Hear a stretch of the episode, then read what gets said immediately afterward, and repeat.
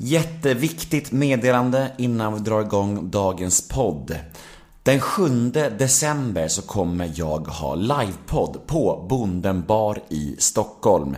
Det är en lördag och det är klockan 19.00 och häromdagen så släppte jag livepoddens första gästnamn och det är ingen mindre än den fantastiska Sissela Kyle. Jag har försökt att få Sissela till livepoddar förut och jag är otroligt glad och tacksam över att hon tackade ja den här gången för att hon är så jäkla rolig, älskvärd och härlig och jag är säker på att hon kommer göra sig superbra i en eh, livepodd. Ja, vill ni komma på livepodden så gå in på biletto.se. Det kostar endast 150 kronor.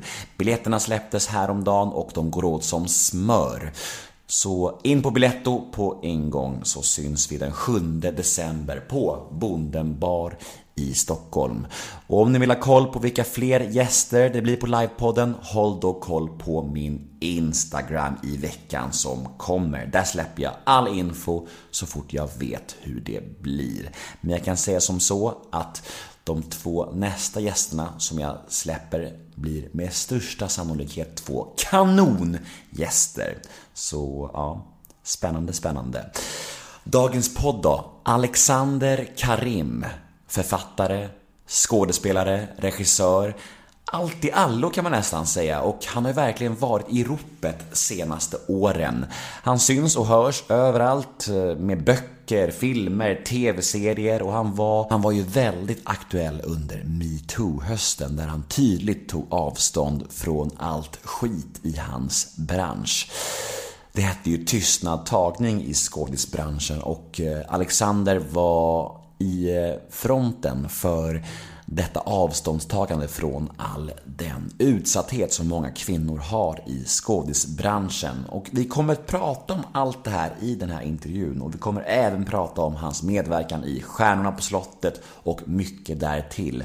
En solig, härlig och varm människa som verkligen kunde sprida fin energi. Och det kommer vi också prata om. Jag heter Nemo Hedén på Instagram och ni får supergärna följa mig där, då blir jag jätteglad. Och vill ni mig något så finns jag på nemohedén gmail.com Och podden klipps av den väldigt begåvade Johan Frid. Men nu ska jag nog sluta babbla. Nu drar vi igång Nemo möter en vän avsnitt nummer 258. Plats på scen för Alexander Karim. Rulla gingen. Nemo är en kändis, den största som vi har. Nu ska han snacka med en kändis och göra någon glad. Ja, Nemo, ja, det är Nemo. Nemo möter en vän. Eh, Nemo möter en vän med Alexander Karim. Tja! Tja! Nu kör vi! Ja, men varför inte? Hur är läget? Vet du, det är faktiskt fantastiskt. Alltså det är fantastiskt. På riktigt fantastiskt. Det är fantastiskt. Otroligt. Ja. Vad skönt. Ja, men ja. Du har ju en eh, solig personlighet. Jag såg det direkt när du kom i korridoren här. Du bara dansade in bara, här är en kille som mår bra, livet rullar på som det ska liksom. Ja, men jag brukar säga till, till, och det är egentligen inte att det har hänt någonting särskilt, men det som jag, som jag brukar säga eh, när jag pratar om det med min fru, när folk frågar så här, hur är läget? Ja, men det är fantastiskt. Tycker folk tar i för lite. När det är bra, då ska man säga att det är bra. Man, alla snackar ju alltid om när det är skit liksom. Mm och min dag börjar alltid på 10, sen får den jobba sig neråt därifrån. Och än så länge har inte någonting dåligt hänt, så då är det fortfarande fantastiskt. Det känns som att folk tar för givet att livet ska liksom funka. Så att, det, så att det är enklare att gnälla när det är någonting dåligt som händer än att påpeka det bra och fina när det är bra liksom. Ja, men precis. Men jag tror också att folk blir vana vid saker som är bra. Alltså att man... ehm, Eh, nu låter jag som, som någon jävla... som att jag är pårökt. Men, men, men mina barn gnäller alltid på mig för att jag så här, när vi kör genom Stockholm, att jag bara, nu måste vi stanna hörni. Titta på den här jävla stan. Kolla vad fint här är. Titta där borta. Och de bara, ja vi har sett det där pappa. Vi, vi har hört det här nu. Vi har hört det i flera år nu. Ja men titta, man får inte glömma. Eller när man är på inspelning. Jag har ju hållit på med film i 25 år. Men ändå så här, springer, förra veckan så var jag framme hos regissören och knackade honom på axeln. Jag bara, du fan. Du vet när man var li- Vi hade någon sån här stor kran med en stor lampa och någon jätterigg liksom. Du vet när man var tio bast och man drömde om att göra film och man såg Star Wars behind the scenes. Han bara, "Ja. Fattar du att... Tänkte man inte då, tänk om man någonsin får vara på ett sätt där man har en sån här fet rigg där de ska... Ja, men du vet att man liksom får uppfyllas utav... Att ing- man får inte bli loj med det som är bra. Nej. Och man får inte börja ta saker för givet. Nej. Men det är också så intressant det där med- med tacksamhet och perspektiv. Alltså, om man skulle gå runt och vara tacksam hela tiden och bara prata om det, eh, då blir man som Alexander Karim. Nej men det är jättefint och jag älskar den här sidan hos dig. Men jag tänker ofta på det att det krävs det krävs ju typ en motgång för att man ska fatta hur bra man har det. Det krävs Ja, ja, liksom ett ryggont för att man ska fatta hur skönt det är att inte ha ryggont. Tveklöst. Och det är så jävla synd det där. Ja. Så det är bättre att vara som dig. Alltså, Jo men alltså, jag har ju haft, jag har haft motgångar och ryggont och allt det där. Alltså man har ju haft allt det där. Och det är just därför som jag kan uppskatta eh, när det är bra. Alltså man har ju haft, eh, alltså varit livrädd för saker, eller folk som har dött, eller folk som har blivit allvarligt sjuka, eller liksom rädslor och, och krossade hjärtan och allt det där som man har haft. Men man måste, precis som du säger, när man sätter det, om man då vaknar en dag och man tänker att så här, Ja, där ligger min fru vid sidan om och i mitten ligger vår son och där inne ligger de andra två. Vårt största problem är hur vi ska kunna få upp dem ur sängen för att de var uppe lite länge igår. Ja, men du vet. Ehm, och sen har man ju alla de vanliga problemen som folk har. Så här, fan ska man betala den räkningen? eller så här, fan fick vi en skattesmäll? Eller nu fick vi... Men det där är ju bara saker som ligger och skvalpar på ytan tycker jag. Det, det som betyder någonting är bra. Jag vill ändå, eh, säger man brasklapp kan man säga va? Ja. För att jag eh, kom hem i natt klockan halv två från en utomlandsresa. Så jag, och var du vi var nere i Bulgarien. Nej, fy fan vad skönt. Ja, det var jätteskönt. Jag och min två och en halvåring och min tjej, min gravida tjej. Och grattis! Vi väntar en till. Tätt. Ja, men perfekt. Det är- Ja, nej, jag vet. Lysande. Tre års skillnad. Så det, det är vi nöjda med. Eh, eh, Eh, men det var så problematiskt för att hon, eh, lilla flickan, sov ju eh, så här, hela flygresan. Hon sov från eh, nio till halv två. Och vi sov ingenting då. Och sen när vi kom hem, då ville inte hon sova längre. Så jag har inte sovit någonting alls. Alltså. Dra åt helvete alltså. Noll alltså. Man ska ha något att skriva i memoarerna sen, det är ju det. Ja, exakt. Och jag var så glad då för att, att jag skulle träffa någon som jag har hört är så pass trevlig som du. Ja. För att jag tänkte så här, tänk om man skulle ha någon så här podd bokad med en så här svår jävla människa idag och jag sitter här och har sovit som en kvart i natt. Då hade jag bara, bara spytt av nervositet. Men jag känner så här, det här är liksom, jag kan slappna av med dig och det är skönt. Ja, men fan vad bra. Ja. Och så var det också så, för att jag hörde av mig till hon, din bokare, så här. jag sa så här. Du, jag berättade om hur, situationen. Ja. Att jag inte hade sovit någonting och att liksom datorn pajade där nere för att min dotter kastade den, i- kastade den i poolen. Du vet. Ja men du vet. Och det var liksom sämsta möjliga förutsättningar för en podd. Och då sa hon så här. Vi kan boka av det här men då kanske det inte blir någon podd i höst för att han har så mycket att göra i höst. Och jag bara shit, är han så fullbokad? Så tänkte jag fråga dig, vad är det som händer? Hur mycket har du egentligen just nu? Alltså jag, jag håller på, jag har precis filmat klart eh, alltså grundinspelningen av en, en serie som heter Advokaten. Så nu har, har vi gjort säsong två. Och det började filma vi klart i förrgår, eller för förrgår. Eh, och nästa vecka ska vi filma liksom eh, lite så extra grejer, exteriörer, åka ner till Köpenhamn och filma en vecka. Och sen är vi helt klara. Sen är det bokmässan, direkt därifrån så åker jag till bokmässan och är där i några dagar. Och sen från bokmässan, måndagen efter bokmässan börjar jag spela in nästa serie. Ö, Eh, och veckan efter det börjar jag spela in en till serie. Som, och de två serierna går in i varandra. Tre veckor senare börjar jag spela in en långfilm, så då går två serier och en långfilm in i varandra. Plus då att jag ska resa runt med både den här boken, Jonas Paulsson, och min och min frus barnbok. Som, och de kommer ju ut samtidigt nu, den här veckan typ. Så då ska jag resa runt och, ja men du vet, åka på bibliotek och, eh, eh, och sådär. Och allting som de bokar in. Så, men allting ska vara klart, har jag fått veta, den 10 december. men innan den 10 december så har jag någon lördag någonstans. Så det var sant det hon sa? Ja, ja, ja. ja. Den här, plus att jag skriver på två nya barnböcker med min fru och vi har en krönika varannan vecka i Aftonbladet. Och min nästa bok eh, som ska vara inne snart. Man skulle kunna kalla det lyxproblem. Damp, Ja. som man skulle kalla det. Damp. Känner du att du får kompromissa med någonting? Att du liksom får välja bort saker som du verkligen skulle vilja hinna med också? Nej, faktiskt inte. Um, naturligtvis så, skulle man, så finns det mycket så här um, familjegrejer ibland. Som nu när jag varit bortrest och jobbat i Finland. Då har man ju fått missa grejer uh, som barnen gör och sådär. Och det är tråkigt. Nu ska jag ju vara i Stockholm hela tiden. Så nu kommer jag kunna vara med och, och träffa dem varje dag och liksom sådär. Um, jag har ju aktivt i mitt liv valt bort så här fikor och ströluncher med folk som säger Ska vi ta en lunch? Nej. alltså, det bara tar för mycket tid, eh, helt enkelt. Eh, så att, nej, jag, jag tycker att det är väldigt, väldigt skönt. Om jag är hemma så sitter jag och Malin i sängen i stort sett hela dagen och skriver. Lämnar ungarna på skolan och sen så sitter vi och skriver. Eh, och kollar på liksom, skräp-TV. Eh, och sen när man filmar så, så filmar man. Och då sitter jag ju bara på hotell och skriver hela tiden. Eller på flyget eller på tåget eller... Vad är det bästa skräp-tvn just nu? Alltså, nu kommer du döma mig. Nej. Men jag är gammal nog att skita i om folk dömer mig. Mm, vad skönt. Jag, alltså, jag tänker säga det här. Och det får du ta. Ska, ska jag gissa vad du kommer säga nu? Rock'n'roll. Jag tror att du kommer säga Paradise Hotel. Bam! Du vet, det är ju, de sätter ju, det är ju knark i det där programmet. Alltså det är ju som knark för hjärnan. Ja, ja, ja. Det är så onyttigt, men det är så gött. Jag vet ju inte om det är så med, eller ja, skitsamma. Men har jag hört att det är med knark i alla fall.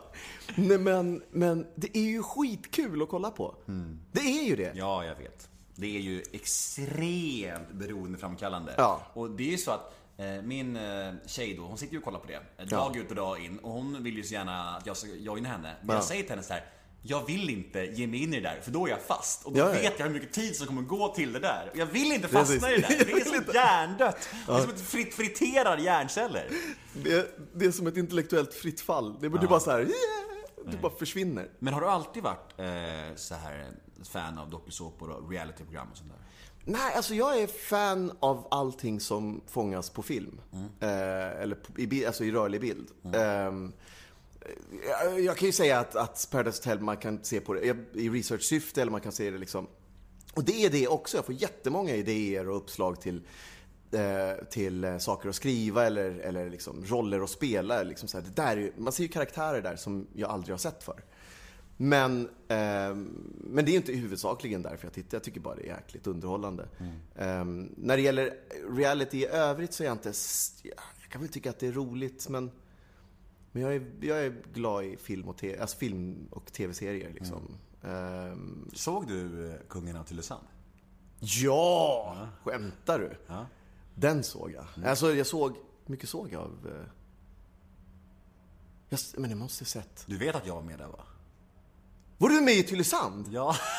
Är det sant? ja! Det var ju jag och eh, Jockiboi. Jag och Joakim Lundell. Jag var, Ja. han som, jag var han som låg så mycket. Jag låg... Var det du som hade Ja. knullrummet där Ja. inne med... Nej, du ljuger! Jo. Hur har jag, Jag inte trodde du vetat hade det koll på det här. Hur fan har jag inte vetat det här? Men det var... Det, dels så ska jag... Alltså jag har ju så jävla kort minne. Det kunde varit tre månader sedan. Jag, jag minns ju inte de som var med förra säsongen av Paradise. Så att nu när nya säsongen kommer och de bara så här, åh där är han ju, bla bla bla. Och jag bara, ja men han var ju med förra säsongen. Du vet, de tar ju alltid in någon från förra säsongen. Jag, har, jag glömmer ju folk.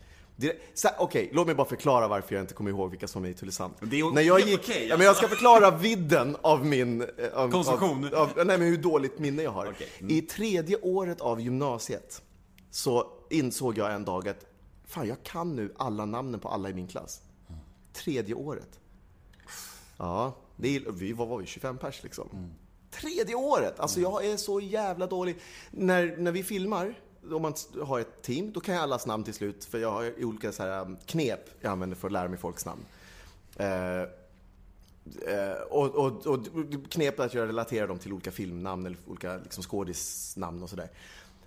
När premiären kommer, då måste jag titta på fotot, alltså teamfotot och försöka gå igenom vad alla heter. För du kan ju inte komma till en premiär med folk du har varit familj med i fem månader och bara ja, hej, you. Du vet, det går ju inte, utan man måste ju...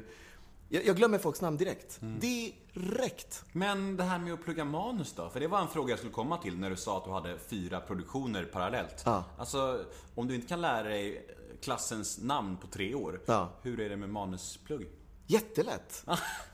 Ehm, Skönt. alltså det är väldigt lätt med repliker. eh, För de ska ju inte sätta sig i något särskilt. De, jag, kommer ju, jag kommer ju glömma dem imorgon. Om vi filmar idag så är de borta imorgon. Men, men jag gör extremt mycket jobb med manuset innan vi kommer till inspelningsplats. Eh, analyserar och lyssnar på manuset. Jag spelar in det på telefonen och så lyssnar jag på det när jag sover och när jag springer och när jag gör allt. Så att jag är så i manuset när vi väl kommer på plats. Så att det blir... ja, repliker har jag aldrig haft svårt med. Det är ganska... Men vad kan du berätta om de här projekten i höst då? Är det, är det superhemligt alltihop eller kan du berätta någonting? Nej, inget är hemligt faktiskt. Ehm, Välj och vraka. Ja, jag börjar då med en, en serie som heter We Got This. Som är en, en amerikan som heter Schiaffino Musara som har bott här i Sverige i 12 år. Eh, som, har, som har kommit på eh, den idén. Och det är en konspirationskomedi. Eh, en slags Big Lebowski. Han ser ut som Lebowski. En Big Lebowski-historia nästan, men den handlar om Palme. Det handlar om en amerikan som får reda på att det är en 50 miljoner kronors eh, liksom, hittelön om man lyckas lösa Palme. Eh, Palme-mordet. Är det det? Ja, 50 millar. Oh, shit. Ja. Och Det tänker amerikanen också. Han tänker, men det kan ju inte vara så svårt. Så han ringer till hotline och frågar, hur funkar det? Kommer ni swisha mig de här 50 millarna eller vad händer? Och så ger han sig ut på en jakt då för att försöka lösa Palme. Och jag spelar hans eh, polare, eh, en journalist, som säger att det här är helt, helt omöjligt. Ehm, Vem spelar honom? Eh, Skiff, eh, Schiaffino Musara. Ehm, jäkla, helt perfekt casting. Ehm, jag tror att det kommer bli en bra, det är SVT och, ja, SVT och Jarowski. Mm, cool. Ja, den kommer bli kul. Och sen gör jag säsong två av, jag var nere och gjorde en serie med Colin Nutley, eh, bröllop, begravning och dop, Just det. eh, förra året. Hur är det då? Om vi ska stanna lite där. Att han är ju ett återkommande objekt i den här podden, Colin Nutley. Med, Ja. med tanke på han, hur han regisserar och den här friheten han ger sin, eh, sin ensemble. Ja. Eh, Jag hade Helena Bergström i podden bara för några veckor sedan och hon pratade mycket om att det skiljer sig ganska mycket för, för hur mycket man gillar det. Alltså som skådis, hur mycket man trivs med, det här, med den här friheten. Hur, hur ser du på det? älskar det. Ehm, men jag, jag, min bakgrund var väldigt mycket så här indie-filmer med min bror. Båda mina bröder. Ehm, men, och den är, eh, Baker då, min ena bror, han, där sysslade vi bara med improvisation. Eh, över en ganska lång tid. Så att vi gjorde långfilm bara helt improviserad eh, och sådär. Så att där blev, så man blir van vid liksom, och från scenskolan så lär man sig massor med improvisationsteknik. Det finns ju massvis med tekniker som gör att alla kan göra det egentligen. Men hur funkar det om, om man ska bryta ner lite? Det är typ som att Colin säger att här börjar scenen och den ska gå i mål där och Ja. emellan så får ni göra lite som ni vill. Eller hur, hur, eller hur är det? Ja, men det är väl lite grann som att så här, ehm, ja, men, ehm, ja men till exempel, jag skulle vara toastmaster på, på de, det är ett par som gifte sig i serien. Och då säger han, ja men du är toastmaster. Eh, och alla, eh, då säger han till alla, imorgon är det bröllopet som vi ska filma, så alla måste skriva sina tal till brudparet. Alla huvudroller måste skriva sina tal till brudparet. Då skriver man dem själv. Och sen så, du är toastmaster, då måste du presentera alla. Och sen så måste du hålla igång publiken. Och så filmar vi två dagar, tio timmar om dagen. Eh, och un- så under tio dagar så ska du vara toastmaster på ett bröllop där du inte jag känner ju ingen. Alltså, så att du ska presentera folk. Jag känner ju skådespelarna men jag känner ju inte deras roller. Eh, så då måste du intervjua alla. Så här, men vem är du i förhållande till? Alltså, så får man skriva små presentationer liksom. som man ska liksom och så håller man hov. Och, och, det är liksom, och så kan han komma in och peta lite grann och säga liksom, ja, men, eh, kör det där igen. Eller presentera eh, eh, Helena till exempel och, så, och säg det här också. Lägg till en sån här. Eller, och det, jag tycker att det är skitkul. Det är mycket press. Eh, som när de ska hålla sina tal. Liksom. Då ska du skriva ett, i, i karaktär ett tal till ett brudpar och hålla det framför 60 personer live första gången och teamet och hoppas att du har skrivit någonting bra. Som mm. skådespelare annars har du ju fått en text. Är texten skit, det är inte ditt Hey, I'm Ryan Reynolds. At Mint Mobile, we like to do the opposite of what Big Wireless does. They charge you a lot, we charge you a little. So naturally, when they announced they'd be raising their prices due to inflation, we decided to deflate our prices due to not hating you. That's right. We're cutting the price of Mint Unlimited from $30 a month to just $15 a month. Give it a try at mintmobile.com slash switch. $45 upfront for three months plus taxes and fees. Promo rate for new customers for limited time. Unlimited more than 40 gigabytes per month. Slows. Full terms at mintmobile.com. Det är inte du som har skrivit den. Det- Men hur vanligt är just den här stilen? Att eh, låta skådisarna ha så stor frihet? Är det liksom improvisation något man lär sig på scenskolan och sånt också? Eller är det... Ja, det finns massvis med tekniker för improvisation. Ganska enkla liksom. Ehm, tekniker som, som folk, som också man märker direkt. Som skådespelare i synnerhet så, så känner man ju direkt när någon improviserar. För att man ser vilka knep de använder liksom. Ehm, jag, jag tror att det, alltså det, är, en- det är en enorm frihet och jag, han kastar så jäkla bra Colin så att alla är med på glädjetåget liksom. Alla kör och, och vet vad de, vad de ska göra. Ehm, så så det, det är bara roligt, tycker jag. Fan vad cool. Eh, Då har du nämnt de tre serierna Mm. som är aktuella. Och så eh, är det två böcker också. Två böcker och en långfilm. Ja. Vad är det för långfilm? Långfilmen är en grej som heter eh, The Woman Under the Bed. Uh, engelskspråkig sak. Det är en ung regissör som heter Robin Holm. Och jag såg hans första film, eh, något år, alltså två år sedan. Han gjorde sin första film när han var 18 bast, långfilm, som gick upp på bio. Eh, Ticket Holders. Och då såg jag den. Jag såg trailern och tyckte trailern var så jävla bra. Så att jag eh, eh, skrev till honom och bara, vad du är, jag tar vilken roll du vill, i, gratis, i vad du än gör. Är det sant? Ja, eh, och så sa, så som, eh, något år senare så messade han och sa, vill du spela huvudrollen? Jag har ett, ett nytt manus, eh, The Woman Under the Bed. Och så läste jag den, det är fan genial. Alltså han är så jäkla bra. Han är så fruktansvärt bra. Ehm, och fortfarande i ett liksom sökande och eh, det är ju en väldigt arthouse-aktig film på många sätt. Men jag älskar det. Jag tror att han kommer göra skitstora grejer. Jag, kommer, jag, jag sa till honom när han bara säger, är du säker att du vill göra det? Det finns ju inga pengar. Jag, bara, jag, jag kommer hädanefter kunna säga, jag var med i en tidig Robin Holm. Det, är- jag, jag, var, jag var med i en tidig Robin Holm. Det är allt jag vill. Det är min betalning. Och så här med facit i hand. Blir det icke betalt? Ja. ja.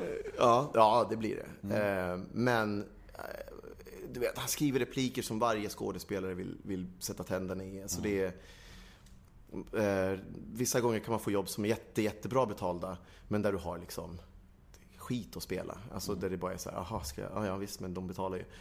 Det här är motsatsen. Det här är liksom, han går ju i, i Tarantinos fotspår mer. Att han har ju text som är, som är skriven och som det finns ett hjärta i och det, och det liksom sjunger. Ehm, och sånt stöter man inte på så ofta. Men på tal om välbetalda pissjobb då. Eh, har, du, eh, har du gjort någon reklam och sånt där? Jag gjorde en IKEA-reklam med eh, Måns Herngren. Det var det första jobbet jag fick när jag flyttade upp till Stockholm för Mm. 10, 12 år sedan. och sådär.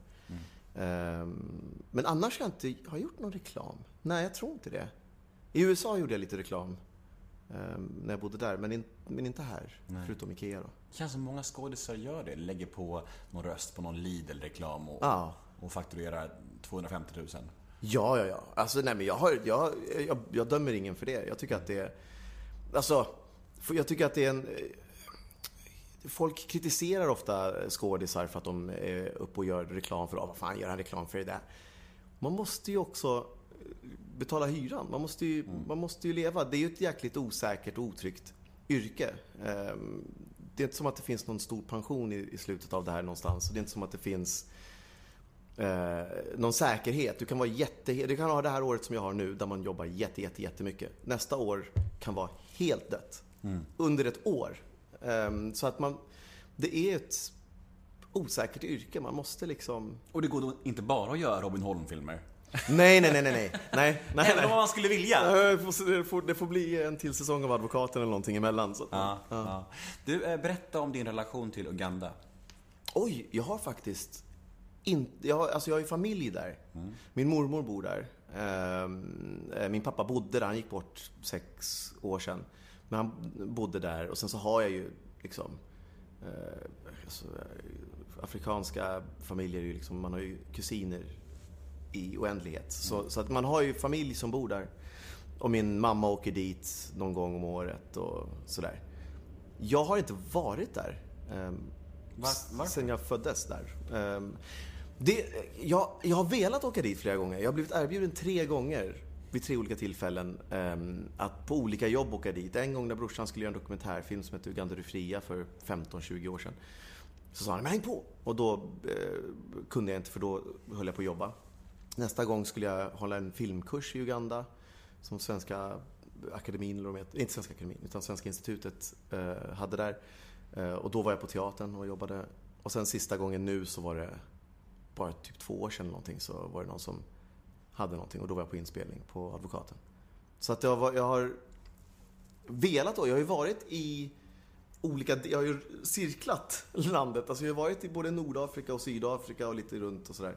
Men aldrig eh, neråt mot Central och Östafrika. Hur mår det landet? Vet du, vet du det? Alltså, jag tror att det mår bra. Det finns ju väldigt mycket sådana här konstiga eh, eh, lagar och, och, och, regler som ofta sprids på internet om eh, liksom, homofobi och sådär. Och så är det ju. Eh, mig veterligen. Jag kan ju inte tala för jag har ju inte varit där. Men, men så är det ju självklart. Eh, som det är i, i, stora delar av världen. Men eh, jag tror att rent ekonomiskt och eh, sociopolitiskt så är det ju på uppgång. Vad jag vet. Jag håller mig inte jätteajour måste jag säga. Nej. Jag är, jag är lite dålig just där. Om vi poddar igen någon gång så kan du kanske berätta då om hur du var där. Ja. Då. Då är du ja. påläst. Ja, ja, ja. ja. Du, eh, eftersom att det här blev lite improvisation och lite annorlunda mot eh, en vanlig Nemo möter en vän så Ja. ska vi leka en liten lek som jag har skrivit på vägen hit. Okej. Så väl förberedd är jag. Ja. Eh, En liten associa- associationslek. Just precis. Jag säger ett ord Ja. eller ett namn och du Okej. ska mm, reflektera kring det liksom, lite grann. Du får säga ett ord om du vill om, om det, eller så Ja. får du prata i en kvart om det.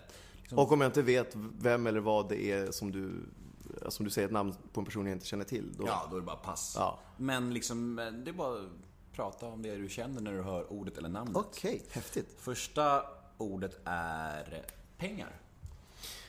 Eh, skulle vara bra att ha mer av. Men jag känner ändå att man får inte, och det pratar jag mycket med om med min fru, man får inte låta det bli en största eh, varken lycka eller huvudbry. Eh, för saker löser sig. Det har de ju gjort i 43 år. Eh, så att på något sätt så, så löser det sig. Man får inte hänga upp sig för mycket på det. Intervjuer. älskar intervjuer.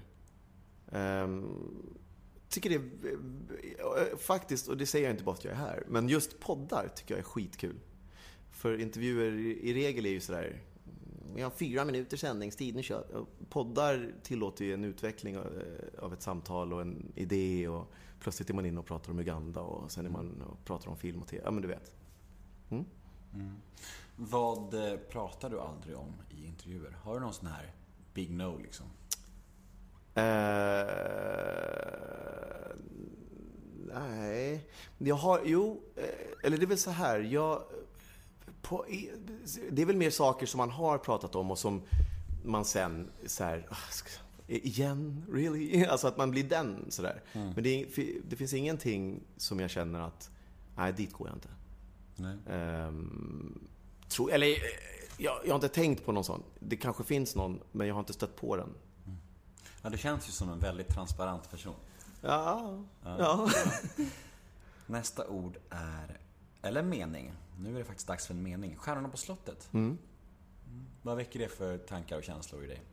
En av de bästa veckorna jag någonsin har haft som jag aldrig vill göra om. Eh, ja, det är vad det väcker. Skitmycket jobb. Ehm, att ha sin egen dag är eh, faktiskt vidrigt. alltså jag hatar det. Det var, det var min första fråga när de eh, frågade om jag ville vara med. Så skämtade jag och sa, måste man ha sin egen dag? Kan man inte bara softa på de andras? Det är, jag, jag, folk tror att det är koketteri, men jag är inte särskilt förtjust i eh, jag tycker inte om min egen födelsedagsfest, jag tycker bättre om andras födelsedag. Men jag, jag är inte så glad i att vara liksom i centrum med alla ögon om man ska berätta någonting. Eh, det, jag det, det är så här, om man sitter på middagsbjudning och, och det är ett stor, en stor grupp människor och någon säger ja, men berätta lite om den filmen eller sådär. Man kan förstå, för film och TV är lite exotiskt och lite spännande. Men det där när alla blickar och så ska man berätta, då är jag väldigt kortfattad eh, ofta. Utan att försöka vara otrevlig, men att man säger ja men det... Och sen så bollar man över frågor till någon annan. Och Stjärnorna på slottet är det, fast i 17 timmar. Att folk liksom sitter runt ett bord och stirrar på en om man ska berätta. Men var det mycket så här inslagsproducenter som sa Kan du inte prata mer om det där och det där och så eller? Ja, men li, ja, inte så mycket faktiskt. De kan komma, för vi har ju gjort en förintervju som varar i sex timmar. Där man sitter liksom själv alltså. och bara gör och bara pratar från början till slut. Då, då gör ju de små anteckningar. Det Hela, här- li, hela livet alltså? Ja, du snackar berättar igenom... ditt liv. Ja, du, du möts i ett par månader tidigare och så bara berätta om allt. Och så, börjar de, och så ställer de tusen frågor. Och de förintervjun, den förintervjun är ju det de klipper till mycket när de... Eh, när man berättar om någonting så kan de klippa till förintervjun och liksom så här för att boosta upp det du sa på plats liksom. Eh, och där... eh, Så där vet ju de redan allt. Och då kan de komma och säga, ah, men eh, nu hoppade du över ehm, det här. Det skulle vara roligt att höra lite om. Eller sådär. Så att de kan vara inne. Men det är inte så mycket ändå. För jag tror att man, när man väl kommer dit så vet man, man har någon form av narrativ klart för sig i huvudet. Eller någon form av dramaturgi. Att så här, om nu ska du berätta om din barn och ungdom och sen ska du berätta om din... Eh, så först berättar du om barndomen, sen så liksom mellanåldern där och sen karriären på kvällen. Ehm, ja, det var, de la inte sig i så mycket. Gjorde de inte. Fan, det påminner jättemycket om kungen av Tylösand. Är det så? La de sig i? Du, nu måste jag få veta en sak här. Jag har, jag har en fråga. Fråga på. Ja, men det här handlar egentligen... Jag, vet, jag minns fan inte hur det var på, på Tylösand, för ni blev ju inte utröstade där. Nej, precis. Nej. Det var ju ingen eh, tävling. Det var bara åtta dårar i ett hus eh, på en strand i Tylösand som... Helt jävla skogstokiga dårar alltså. Fy fan vilket galet program det var. Ja, och jag och Jocke var ju värst. Ja. Och det är också bara vi som har liksom hållit oss kvar i någon slags offen- offentlighet. Det är så ja. Jag hade, en, jag hade en paus från offentligheten i typ 5-6 år där jag söp och knarkade sönder mig Ja. sommaren. Sen kom jag tillbaka med podden och, och nykterhet. Ja, ja, ja. Ja. Fy fan alltså. Man kan ju fatta det efter det där ja, men det är ju så. programmet. Ja! Man blir ju alltså, eh, med risk för att låta tjatig, jag har ju pratat om det här mycket i intervjuer och i podden, men alltså tiden efter ett sånt program, man är ju så skadad alltså. Ja. Av den, det där snabba kändisskapet och man är redan en trasig, osäker kille som Visst. bara vill Hur gammal var du? Jag var 22 och jag, och jag hade ett stort svart hål inom mig som jag ville fylla liksom med någon slags bekräftelse Mm. och kärlek. Så fick jag allt det, sen försvann det. Då stod jag där liksom och ingen brydde sig och, Ja. och då kom liksom verkligen missbruket som ett brev på posten liksom. Ja, ja, ja. Så ja, det är, det är ju det är underhållande de här programmen, men det finns en problematisk faktor i det. Eh, Jag tänker att det är klart att folk som har saker att falla tillbaka på och som är trygga i sig själva och kanske har något mål med sitt kändisskap. Visst, de kan gärna vara med i programmen, men folk som är trasiga bör nog hålla sig undan. Ja. Problemet är ju att det är ju de trasigaste som söker söker- dit. ja, såklart. Och det är de som oftast är mest underhållande också. För de gör ju Precis. vad som helst för, att ja. få folk att skratta och bara wow vilken dåre liksom. Ja, ja, ja. För så var det för mig. Jag ville ju bara få folk att reagera bara Ja. så här. Kolla vilken galning liksom. Ja. Och så blev det ju. Ja, men det är just när man är alltså 22. 22 ba- Jag har sagt det så många gånger också när, när barnen pratar om sådär. Ja, men när man är på, på när folk stoppar eller ska ha en selfie eller när folk liksom sådär. Det är ju kommit, jag är glad att jag har kommit så sent i ens liv. Eh, hade jag fått det när jag var 22, Alltså, ja, du vet. Vilken 22-åring har inte ett stort hål? Alltså, du vet, alla 22-åringar. Är man alltså, 19, 20, 21, 22. Allt man har, man, är, man vet ju inte vem man är. Man söker efter en identitet. Om folk då säger, fy fan vad du är fantastisk. Här, ta så här mycket pengar. Beställ dig i den här baren. Du vet, tjejer och killar flockas till en och liksom... Fy Och sen så fan. börjar det där dala liksom. Och sen när det börjar dala. alltså, vad, gör man då? ja, då gör man ju vad som helst för att det ska bestå och då börjar man Ja. göra dumma saker liksom. Det Ja, bara så här, precis. det är, ja, men baren Robban. Vad heter Ja, han Robban? exakt. Som målar sig blå och... Ja, Robinson-Robban ja. Robinson, Rob... var han inte i baren också? Nej. Kanske. Men det var väl Robinson han blev Robinson, känd. ja. Robinson, Robban, ja. Han målade sig blå ja. Ja. För att folk skulle höja. Fejkade en räddning av en våldtäkt. Exakt. Ja, Exakt. fan. Ja, jo, men jag intervjuade faktiskt honom för att jag var så nyfiken på hans liv. Ga- Ganska nyligen, det var bara några månader sedan. Och då pratade vi om den här våldtäkten som han iscensatte för att få liksom cred. Det är ju, alltså han fattar ju att det är helt galet, men han var ju så desperat för att få lite attention och lite goodwill-poäng liksom i media. Ja. Alltså det är så sjukt. Men det är också så Jag starkt förstår är det för vissa. Jag förstår det.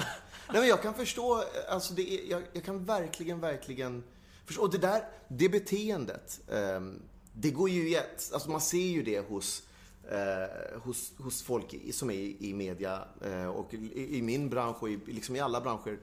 Att det finns ju en, en idé av, om man släpper någonting, om man är, om man är jävligt het en, per, en period och man släpper en serie eller en film eller någonting och har pressdagar och så all press är där och det skrivs som fan och det görs grejer och det, du vet, och man postar och man gör allting.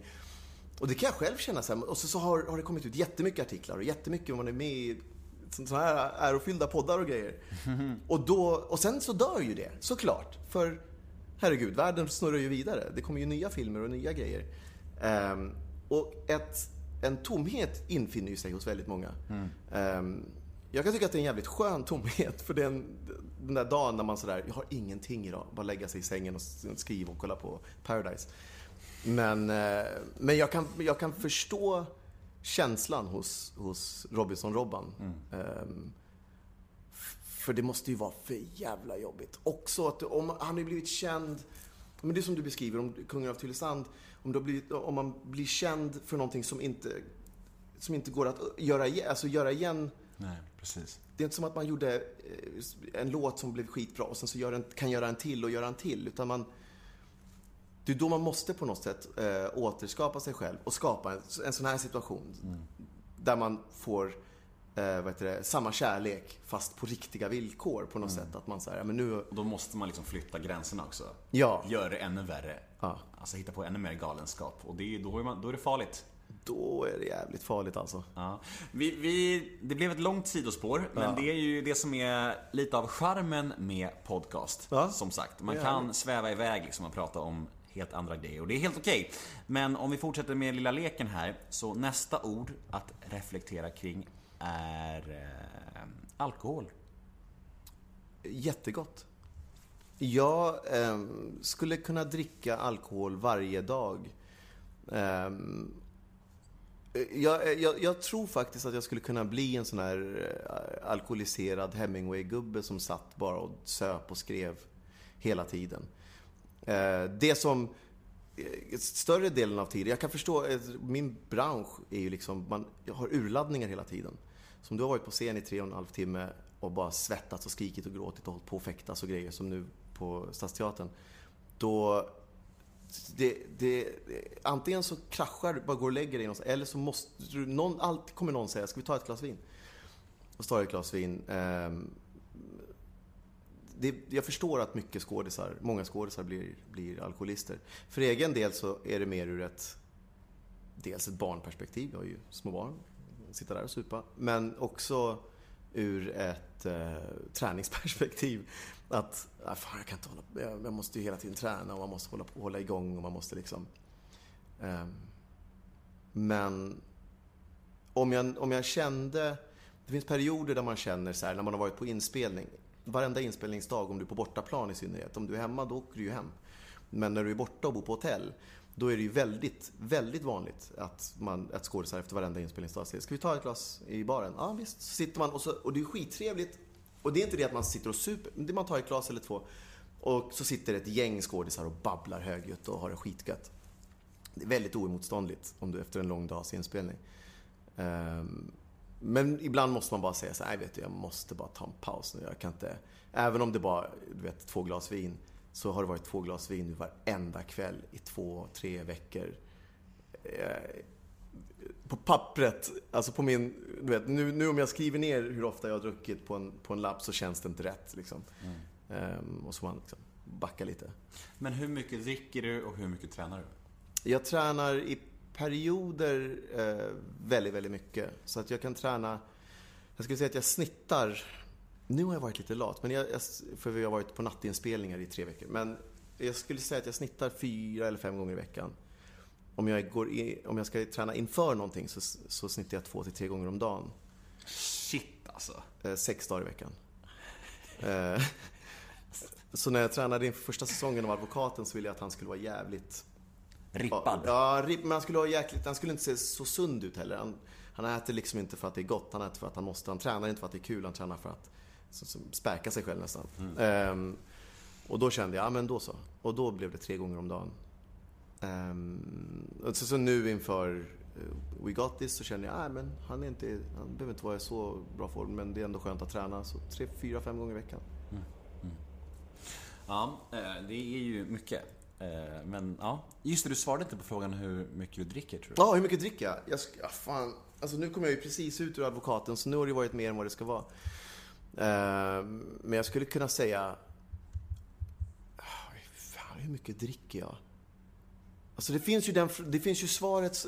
Det är det som är så intressant med den frågan.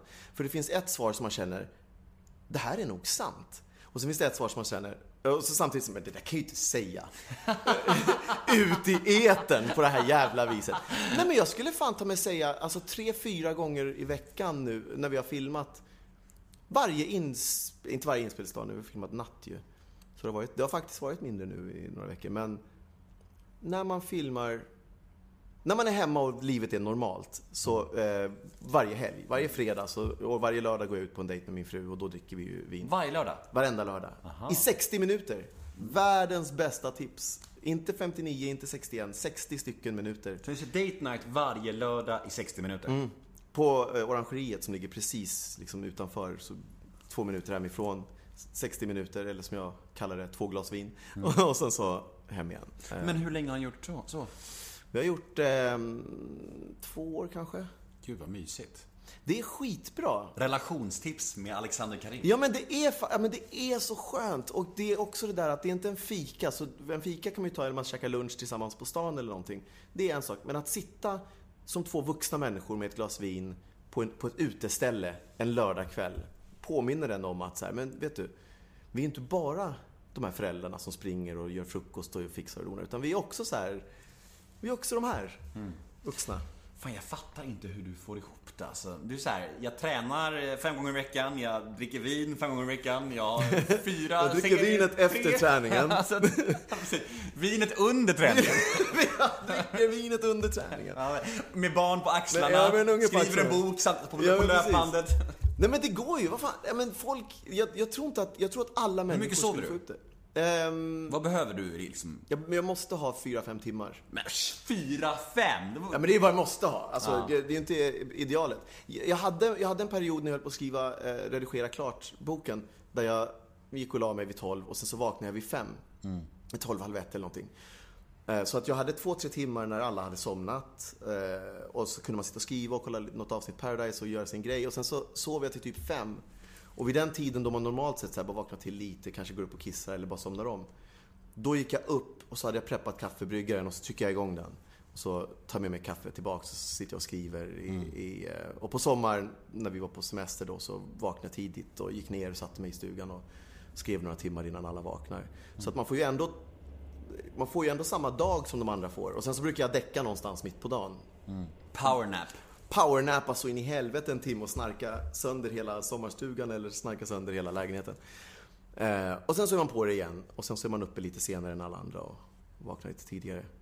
Ehm, Jag blir så jävla avundsjuk på människor som kan gå runt på liksom 4-5 timmar sömn på natt. För jag, alltså om inte jag sover liksom, jag måste fan sova i alla fall 7 timmar för att fungera alltså. är det så? Hur gammal är du?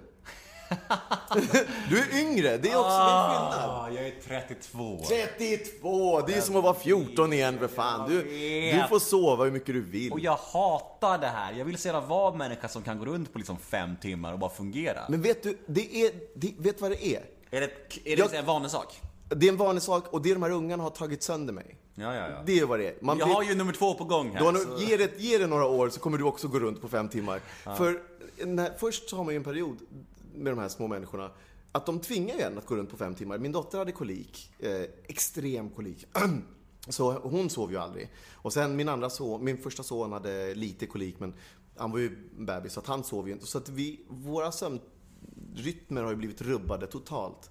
Eh, jag kan klara mig på, lite sömn. Malin är, älskar att sova. Men å andra sidan kan någon viska i andra änden av lägenheten så vaknar hon. Mm. Jag kan sova genom jordbävningar när jag sover. Alltså jag sover genom allt. Ehm, så att det är liksom...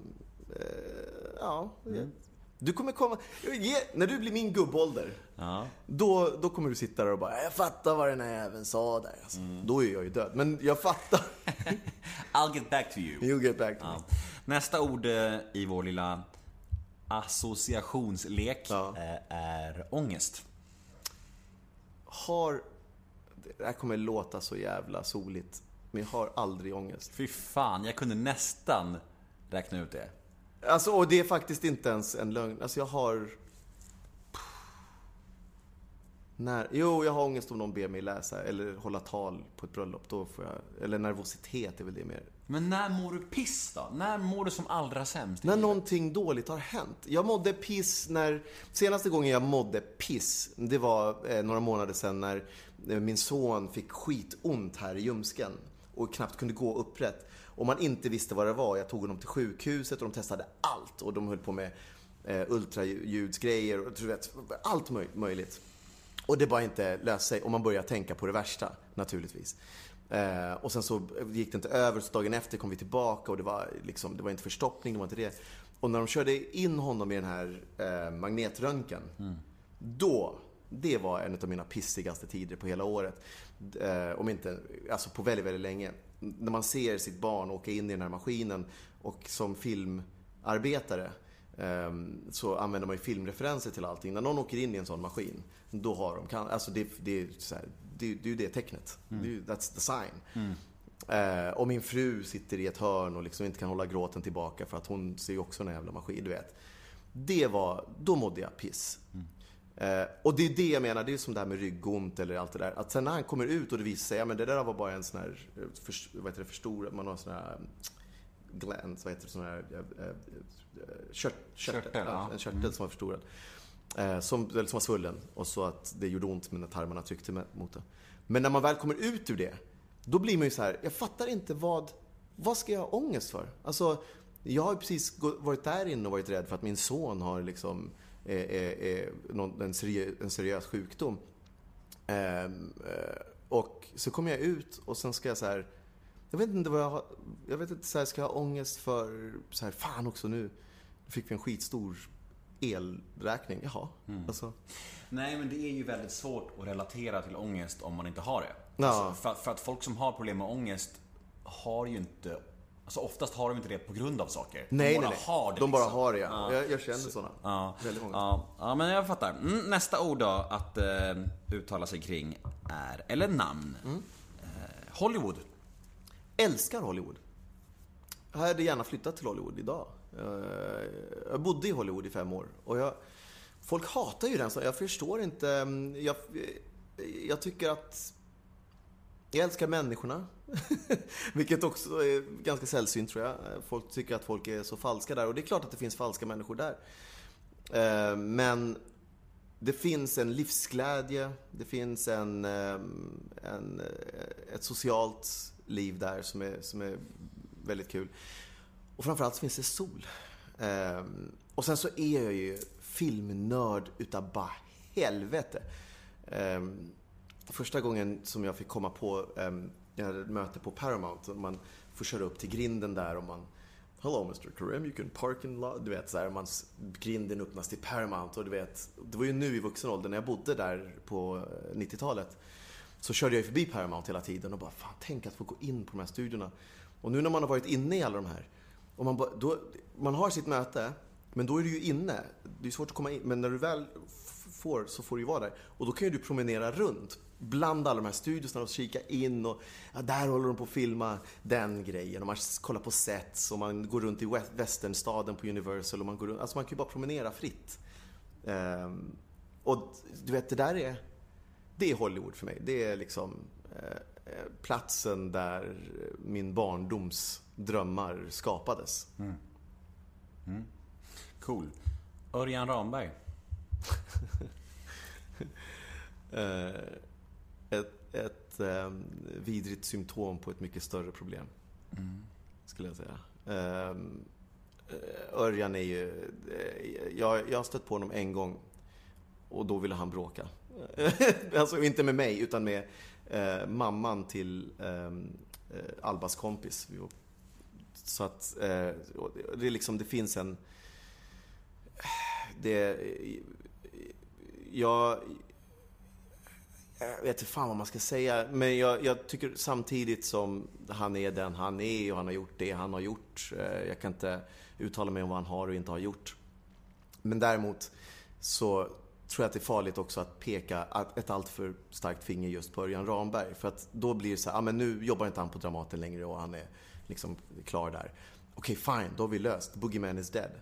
Men då blir det lätt att man glömmer att det här är ju en pandemi. Alltså det här är ju stort alltså. Eh, mäns våld mot kvinnor. Jag har gjort jätte, jätte, jättemycket research på, på just det. Över åren. Eh, med början 15 år sedan när jag gjorde, skrev ett, manus, ett kortfilmsmanus om en våldtagen kvinna. Och var på ett sånt här jourhem för gömda kvinnor som research. Och jag har ingen erfarenhet kring det. Jag har aldrig sett det, jag hade inte varit med om det, jag har inte sett någon kvinna få stryk. Eh, jag tror inte någon skulle våga eh, ge sig på just de kvinnorna som jag växte upp, alltså min syrra och min mamma. Och de, det, eh, så att jag har vuxit upp i ett ganska, eh, ett väldigt starkt matriarkat.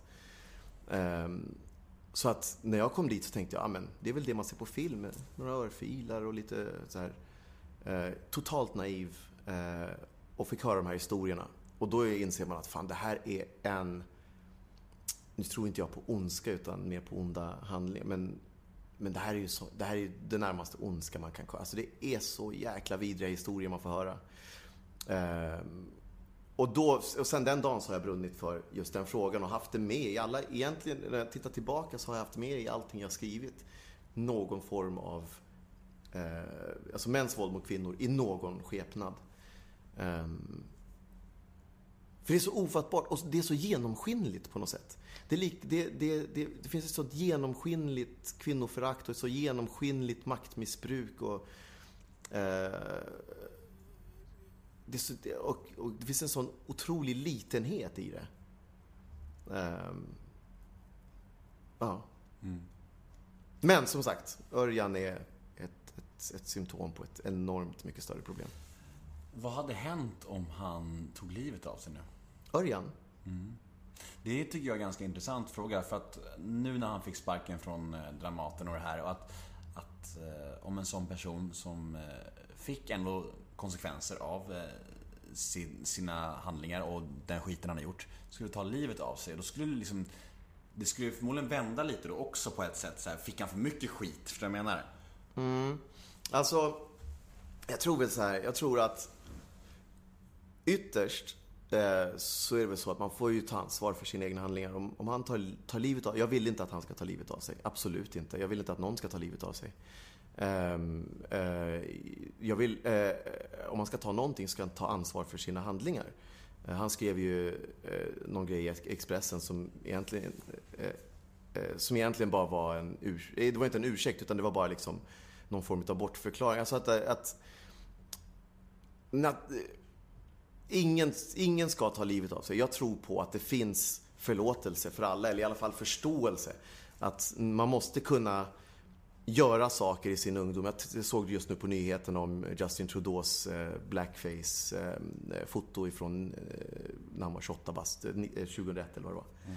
Och att han ska liksom sänkas inom politiken för att han målade sig brun och gick på en Arabian Nights-fest i början på 2000-talet. Nato- naturligtvis omdömeslöst, naturligtvis dumt, men herregud, fan. Roma-teatern hade ju eh, en, en Otello i blackface, ungefär samtidigt. Alltså det... Det, Det går ju inte att leta upp såna här gamla grejer och döma folk för det. Nej, och Tiderna- framförallt om man säger, om man be, alltså, det, och det, det som faktiskt spelar roll någonstans. Eh, Såvida man inte har gjort någonting som är oförlåtligt. Vissa saker är jävligt svåra att förlåta. Ehm, m- Men man måste ändå kunna gå vidare. Men, men om man har gjort någonting som bara är dumt. Det var bara idiotiskt gjort, såklart. Men sen så kommer han på TV, han ber om ursäkt, han säger att det var idiotiskt gjort. Då måste vi väl kunna gå vidare. Det är väl svårt, med tanke på Justin Trudeaus historia, att säga att han är någon form av rasist. Ehm, när det gäller Örjan så är det väl så att fan, man kan, jag kan förstå. Jag, jag, bara för att jag inte sitter och känner, sitter på någon sån ilska som han sitter på. Som att jag inte sitter på eh, ångest. Det är klart jag förstår och sympatiserar med folk som går runt och känner ångest. Eller går runt med en ilska som är okontrollerbar. Eller går runt med, med olika känslor. Jag förstår dem absolut. Jag sympatiserar med dem. Men om Örjan nu då hade kommit och sagt Fan, jag, jag gjorde så jävla fel. Jag, jag vet inte vad jag, vad jag kan säga men jag ber så hemskt mycket om ursäkt till alla, alla anhöriga. Jag ber om ursäkt till alla jag har sårat. Jag ska jobba på mig själv. Förlåt. Då hade jag, alltså, jag, hade han sagt det, då hade jag kunnat tänka mig att gå och se honom på Dramaten. Förstår du vad jag menar? Alltså, då, då, eh, man, det, det, saker och ting kan inte... Jag tror ju inte på liksom eh, dödsstraff. Och, och, utan jag tror på rehabilitering. Eh, och jag tror att om man vill liksom komma tillbaka. Jag tror inte på att man ska liksom förvisa folk för alltid för deras onda gärningar. Man, folk tabbar sig liksom. Folk gör dumma, dumma saker. Och det är ju jävligt problematiskt med det här häxjakten på folks gamla, gamla handlingar, tänker Ja. jag. Det, är så, det blir så konstigt med... Men som den här, någon, jag tror det var någon Family Guy manusförfattare som har skrivit ett homofobiskt skämt för 12 år sedan i en tweet liksom. Då ska han få sparken för, sin, för det han gör nu. Ja. Det är så här, tiderna förändras ju också. Då, på den tiden, så var det ju inte så magstarkt som det är nu. Då kan man ju inte döma folk idag för något som skrevs då. Nej. Det går ju inte. Nej, nej. Man måste ta hänsyn till hur tiden är också. Precis. Så jävla konstigt det där. Ja, men det är verkligen, det är skitmärkligt. Men det, ju- men det där handlar ju väldigt mycket Folk letar ju med ljus och lykta efter eh, eller, så tidiga oförrätter som folk har gjort. Jag tror, att det är, jag tror att det är helt fel väg att gå. Det är ungefär som eh, namngiveri. När- jag förstår att hela metoo-rörelsen och alla, allt, mycket av det som, som har hänt nu är ju på grund av att vissa modiga gick ut och sa namn på sina förövare. Och det är ju jättebra. Konsekvenserna av det var jätte, jättebra.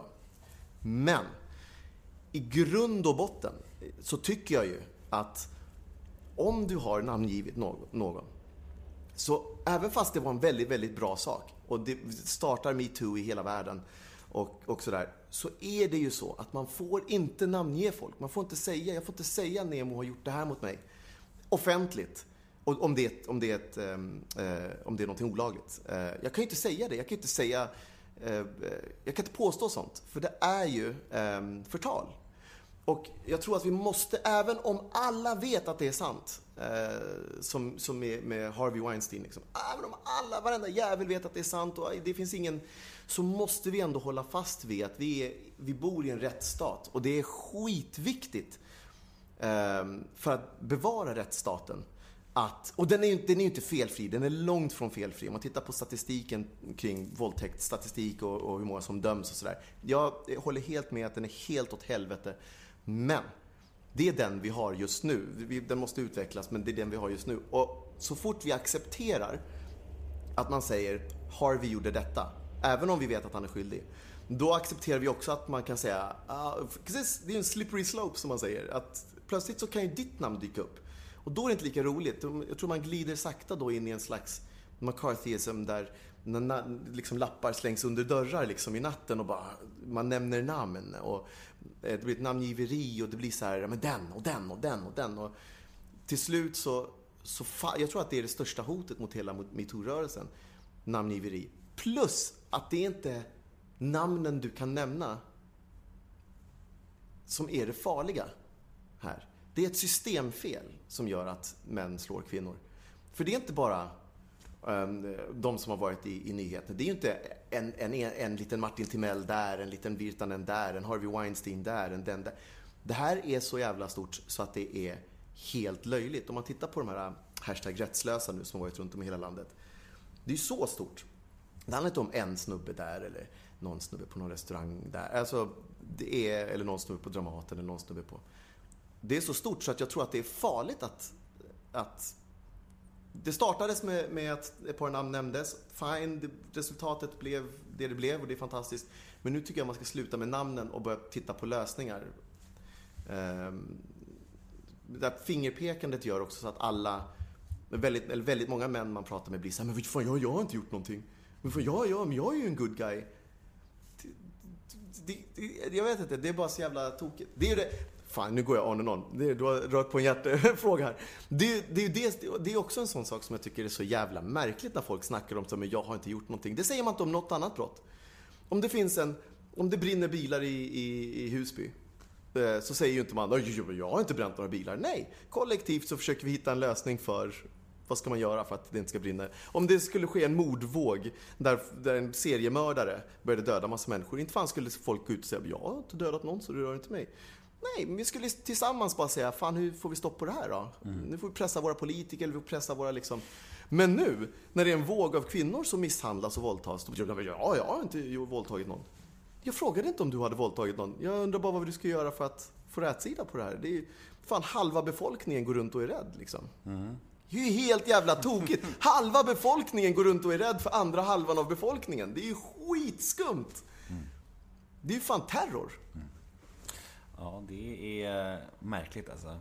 Eh, sista namnet, Ja. eh, slash ordet på den här lilla leken är Benny Fredriksson.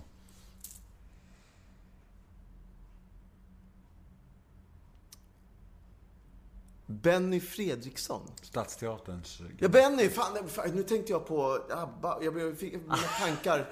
Eh, naturligtvis, Benny Fredriksson. Jag hade två kontakter med Benny. Mm, Mm, två, när han ringde och, och frågade om jag ville göra två projekt. Och båda gångerna var han otroligt fin. Och det här säger jag inte bara som folk ofta pratar om, folk som har gått bort, att ja, de var så fina. Utan han var över förväntan fin. Eh, mycket finare än vad han hade behövt vara. Jag, ett projekt som jag hade tackat ja till, som jag var tvungen att dra mig ur. Där han sa, nej men du, du, och var hur fin som helst och hur mjuk och hur tillmötesgående som helst. Eh, och där tror jag också att ett av problemen är just med när saker blir, när folk pekas på alldeles för hårt. Personen som du pekar på kommer känna sig som den enda skurken i världen och personen som, och vi som pekar kommer känna att, ja men då, nu har vi löst det. Eh, det där var den absolut ehm, eh, sämsta utgången av hela, eh, av, av hela den liksom ehm, händelse. Alltså det var ju, allt, allting gick snett. Man, man pekar för hårt, för aggressivt. Man, man, det, det är där det blir liksom eh, att man som slags, någon slags spjutspets av mobbmentalitet går emot en, en person.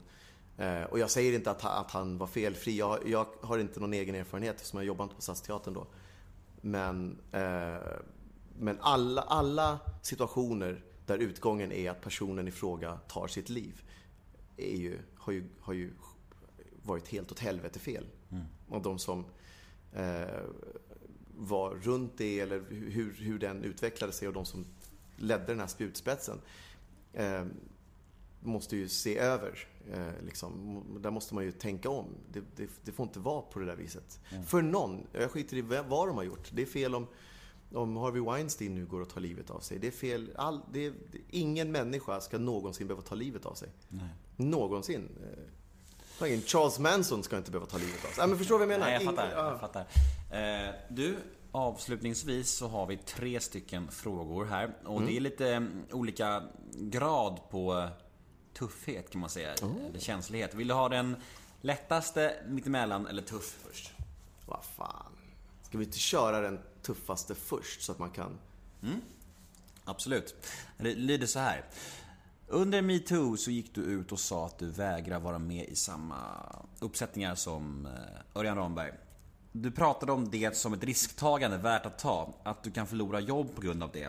Fast i ärlighetens namn nu, var det verkligen ett risktagande? Det är väl Örjan som inte har några mer roller? Din karriär blomstrar väl och rent strategiskt var det väl ett kanondrag av dig? det där var ingen tuff fråga. Alls. Eh, jag sa, dels sa jag inte att jag skulle jobba med Örjan, jag sa att jag inte jobbar med någon av dem. De som jag känner till, alltså de som man, och det är snack, man, man hör ju väldigt mycket.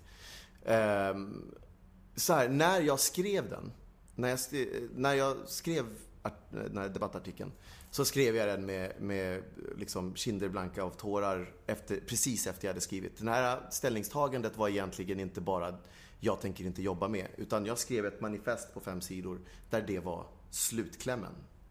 Eh, tidigare i manifestet hade jag skrivit eh, det var allt ifrån hot mot eh, Örjan där jag sa fan jag ska, du din jävel, du ska vara rädd. Och jag tänker fan, hör, läs det här nu. Du, jag, du vet inte om jag, liksom, jag, kan, jag kan komma när som helst.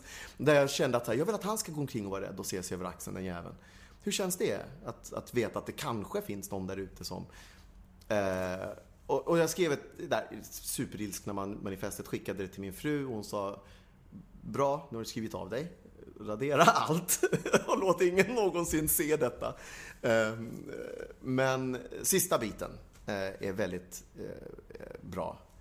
Eh, och det är ju så här, det är inte, det, det känns som ett strategi. min, min, dels så sysslar jag mycket av de sakerna som jag gör nu som är advokaten, det hade jag ju redan gjort, börjat göra sen innan. Serien jag gjorde då, den var ju redan på när jag skrev det. En, en serie som jag gjorde nu i, i våras med, eller på Island.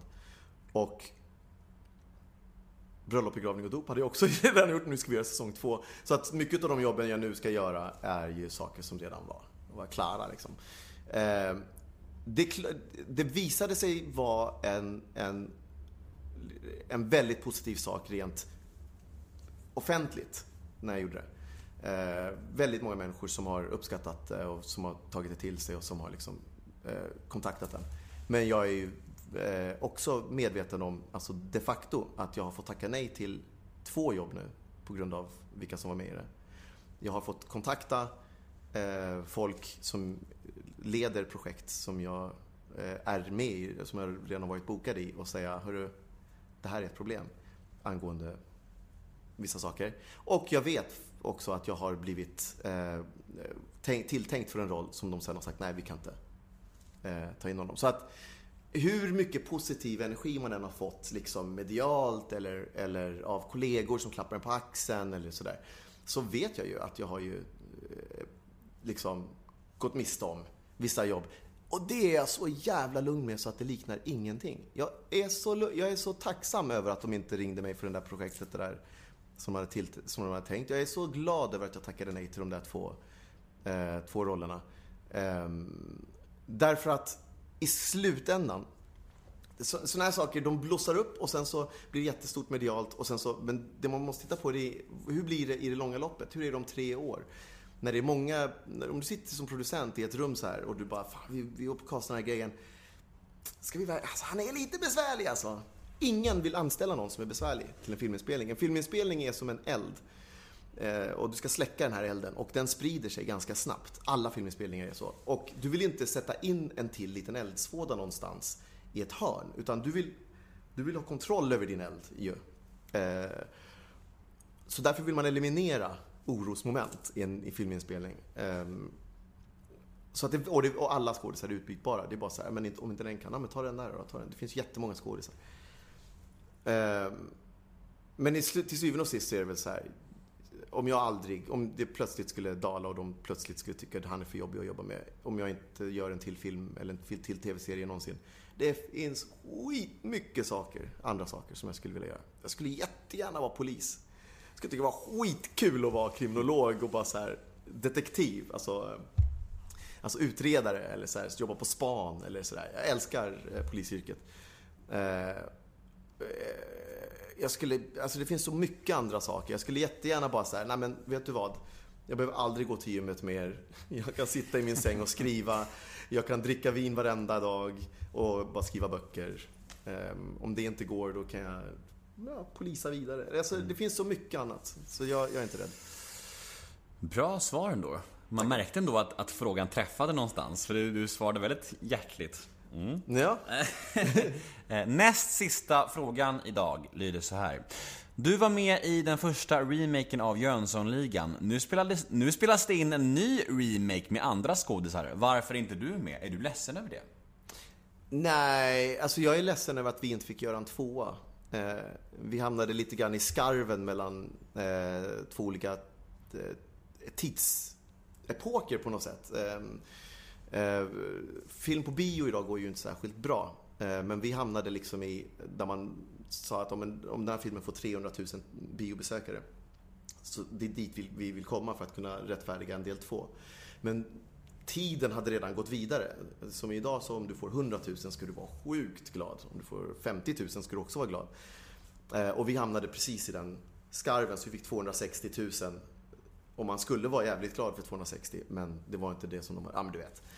Eh, och uppföljaren var redan skriven och så vidare. Eh, så, och det var, för det var ett sånt otroligt roligt projekt och regissören Alain Darboy är ju helt fenomenal att jobba med. Och så, de andra i gänget är också helt fenomenala. Och jag älskar tonen och jag älskar att göra det. Men det här som görs nu, det är ju en helt, det är en helt ny ton. Alltså det är en helt, eh, jag tror att det är mer återgång till, till klassiska Jönssonligan. Ehm, så där, alltså det hade ju varit skumt om de tog, alltså vi, det, det är ju som att vi lever i två olika universum. Alltså min Vanheden med Vanheden som eh, det är som att blanda Marvel med DC. Nej men du vet, det, det blir lite så. Det, du kan inte blanda... Det, det, vi var ju ett, ett, en mörkare värld, en mörkare, ett mörkare foto, um, en annan slags humor. Um, men jag tror att den här som kommer nu kommer bli skit. Alltså, det är ju Henrik Dorsin, det är ju Thomas Alfredsson som regisserar. Dra åt helvete. Hedda Stiernstedt är med va? Uh, alltså, jag, vet, jag tror att den kommer vara tung. David Sundin också va? David Sundin är med. Och vem är, vem är Jag vet inte. Dynamit? Är han Dynamit-Harry? Ja. Och vem är då... Vänta. Rocky? Nej? Nej, det är väl... eh, Sickan är väl Dorsin? Sickan är Dorsin. Ja. Och så Dynamit-Harry. David Sundin, Dynamit-Harry och Vanheden. Det borde du veta. Vanheden är ju den sista karaktären. Vad Ja, fan? det var han. Jag glömt han du Vem var är den sista? Vem fan är den sista? Jag vet att det finns någonting. Jag älskar att du glömmer alltså, han som du var. Ja, nej, jag vet inte vem som spelar Vanheden faktiskt. Jag, ska vi jag, kolla? Ja, gärna. Eh, Jönssonligan, vad heter den ens? Vet du det? Nej, kolla på Jönssonligan. Eller kolla på Thomas Alfredsson och, Eh. på, IMDB borde det. Den har ju blivit sjukt utdragen vet jag. Den skulle ju kommit för liksom så här för typ förra, förra vintern. Men, Ja. men, men eh, jag tror att eh, en viss eh, Anders Ankan Johansson. Ja, ja, att ja. han är en komiker va? Ja. Från Malmö. Just det. Ja. ja, det blir nog lite mer humor igen. Ja. Gissningsvis. Ja. Okej, sista frågan för podden lyder så här. Berätta om den graviditet som inte riktigt gick som planerat. Var det den enklaste av de tre? Motherfucker! jag ser vad du gjorde. Nej, alltså den... Det var... Vi hade ju två barn och bestämde oss för att skaffa ett tredje. Och riktigt, riktigt... Eh, obe, alltså det, där är man ju igen på den här platsen där det är så här, livet kan verkligen bli skit. Jag beskriver den här eh, hela scenen väldigt tydligt i, i boken, Jonas Paulsson där. Ehm, för de eh, mister ett barn. Och det är på exakt samma sätt. Eh, vi, man, vi åkte till eh, läkarhuset på Odenplan.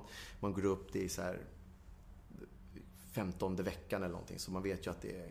Det, man har gått, alla har fått höra det, barnen har fått höra det, man har ju pratat, man har ju liksom eh, gått, man har ju gått in i det liksom.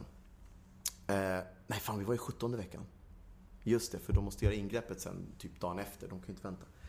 Eh, och sen så börjar det med så här, oh, titta här är lilla handen och här är lilla det och vi visste könet och allting. Och här är det och där är det och sen så söker den sig upp och sen så när den kommer till huvudet så bara, oj, oj då. Oj. Och så var det helt vattenfyllt. Så att det fanns liksom ingen hjärna. Det var ju bara ett huvud som var tomt. Ehm, det är helt fel sak att prata om när du eh, går i väntans tider. Men, men, Vi är exakt den veckan också nu. Ja, för jag, ska vi, Nej, vi nej. kan, Kör, det är det- fan skitläskigt. Ehm, men, eh, och då var det något som heter då vattenskalle. Mm. Eh, och det är sådär, men det, det, det, det finns ingen... Är det- Fan, förlåt. Är det jag som låter? Eh, ja, det är det. Du får ett litet musiktrack där. Ehm, och... och då var det, i, och då var det bara sådär, men, men ni har två alternativ. Det ena är att man föder fram barnet. Det finns ju ett hjärta som slår. Men det, det här barnet kommer leva i kanske en dag. Och sen så, eller så kan man göra, alltså avsluta det nu. Och tanken på att gå i 20 veckor till, det finns ju inte. Alltså det existerar så... Det kanske någon starkare än jag hade klarat av. Men jag, varken jag eller Malin kände att det var någonting som vi ville göra. Så då var det... Vi fick komma tillbaka typ dagen efter och avsluta det. Eh, Och där är det ju verkligen... Jag tror att för min del, som mannen i förhållandet, jag har ju ingen... Jag, det är ju inte i mig som den här människan bor. Ehm, alltså det här lilla livet som... Så, utan det är ju Malin som... Så att för henne blev, blir det ju en enorm...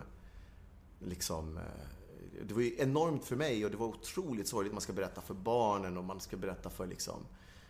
Eh, för familj och ringa runt till alla och liksom...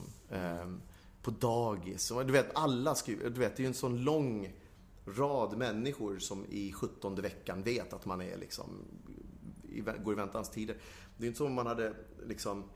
Jag menar, vi har fått varit med om det när det har varit i typ fjärde veckan och sådär. Alltså de här vanliga missfallen som sker, jag tror det var fjärde graviditet.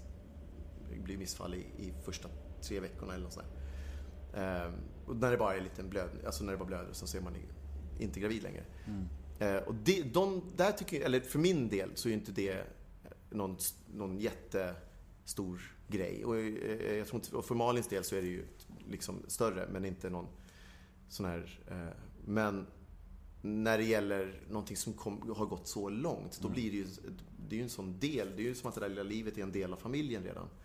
Så det var... Nej, fy fan alltså. Och jag höll på att filma Jönssonligan då samtidigt, så att alla på inspelningen visste det. Och då så hade vi en vecka kvar. Jag ringde till producenterna och de bara, men du måste... bara stanna." Vi filmar i Göteborg de bara, stanna kvar. Vi... Så hade de frågat hela inspelningsteamet och de bara, men vi ställer upp, vi kör en vecka till efter. eh, Och liksom lappar ihop det här. Ehm, Men då är det ju ändå så, man kommer upp. Och jag är ju väldigt glad i att prata om barn. Med folk som har barn i synnerhet. Eh, och när man är där och man har snackat. vår- Jag vet vår sminkös, var hon gravid eller skulle försökte bli gravid? Det var någonting med graviditet där. Och jag bara, ah, men du vet, och vi är ju precis, ja, fan, vecka 15 och nu ska jag, vi kommer ju ha tre då och bla bla bla. Man har ju babblat om det här som man går och väntar på. Och att komma upp då liksom så här. Okej. Och sen så en efter en som kommer fram. Och, liksom, och det är ju jätte, jätte, jättefint att de kommer fram. Men det är ju också sådär... Man måste ju... Det, det är det som på något sätt också är, bidrar till det här super, super jobbiga. Eh, Så att det är ju en, en lång, lång period av, av liksom, en, en sorgeperiod. En- Man sörjer ju det som aldrig blev. Ja, nu fick vi avsluta i moll, men så blir det ibland. Så, ja, det blir det. Ja, eh, hur känns det här nu då? Jag tycker det här känns väldigt roligt. Alltså det känns ju, det är ju lite som en bilolycka. Jag vet inte riktigt. Alltså jag, jag, var upp och ner vid ett tag i tillfälle. Jag flög ditåt, jag flög ditåt. Jag vet inte riktigt eh, vad jag har sagt. Tack och lov så går vi inte ut live. Det, men det har varit ett väldigt givande samtal. Det har varit runt jorden alltså. Ja, jo men verkligen. Det känns som att vi fick lite av varje. Eh, Ja. Superglad att du ville vara med. Eh, Superglad att jag fick vara med. Ja, grymt. Avslutningsord. Eh, avslutningsord. Köp din nya bok. Jag köper min nya bok för guds skull. Den extraordinära berättelsen om Jonas Paulssons plötsliga död. Bara titeln är ju som en bok. Liksom. Eh, avslutningsvis, jag slutar på dur och säger fy fan vilket stort grattis till dig till framgången naturligtvis med den här fantastiska podden, men också till nykterhet. Och till, till vilken jävla leap från... Jag som sagt visste ju inte om Tylösand-grejen, men vilket jävla... Det är fan ta mig vackert. Det är en hopp för mänskligheten och planeten. Ja, men det är vackert. Tack som fan mannen. Eh, Vi säger hej då! Hallå! Tja då!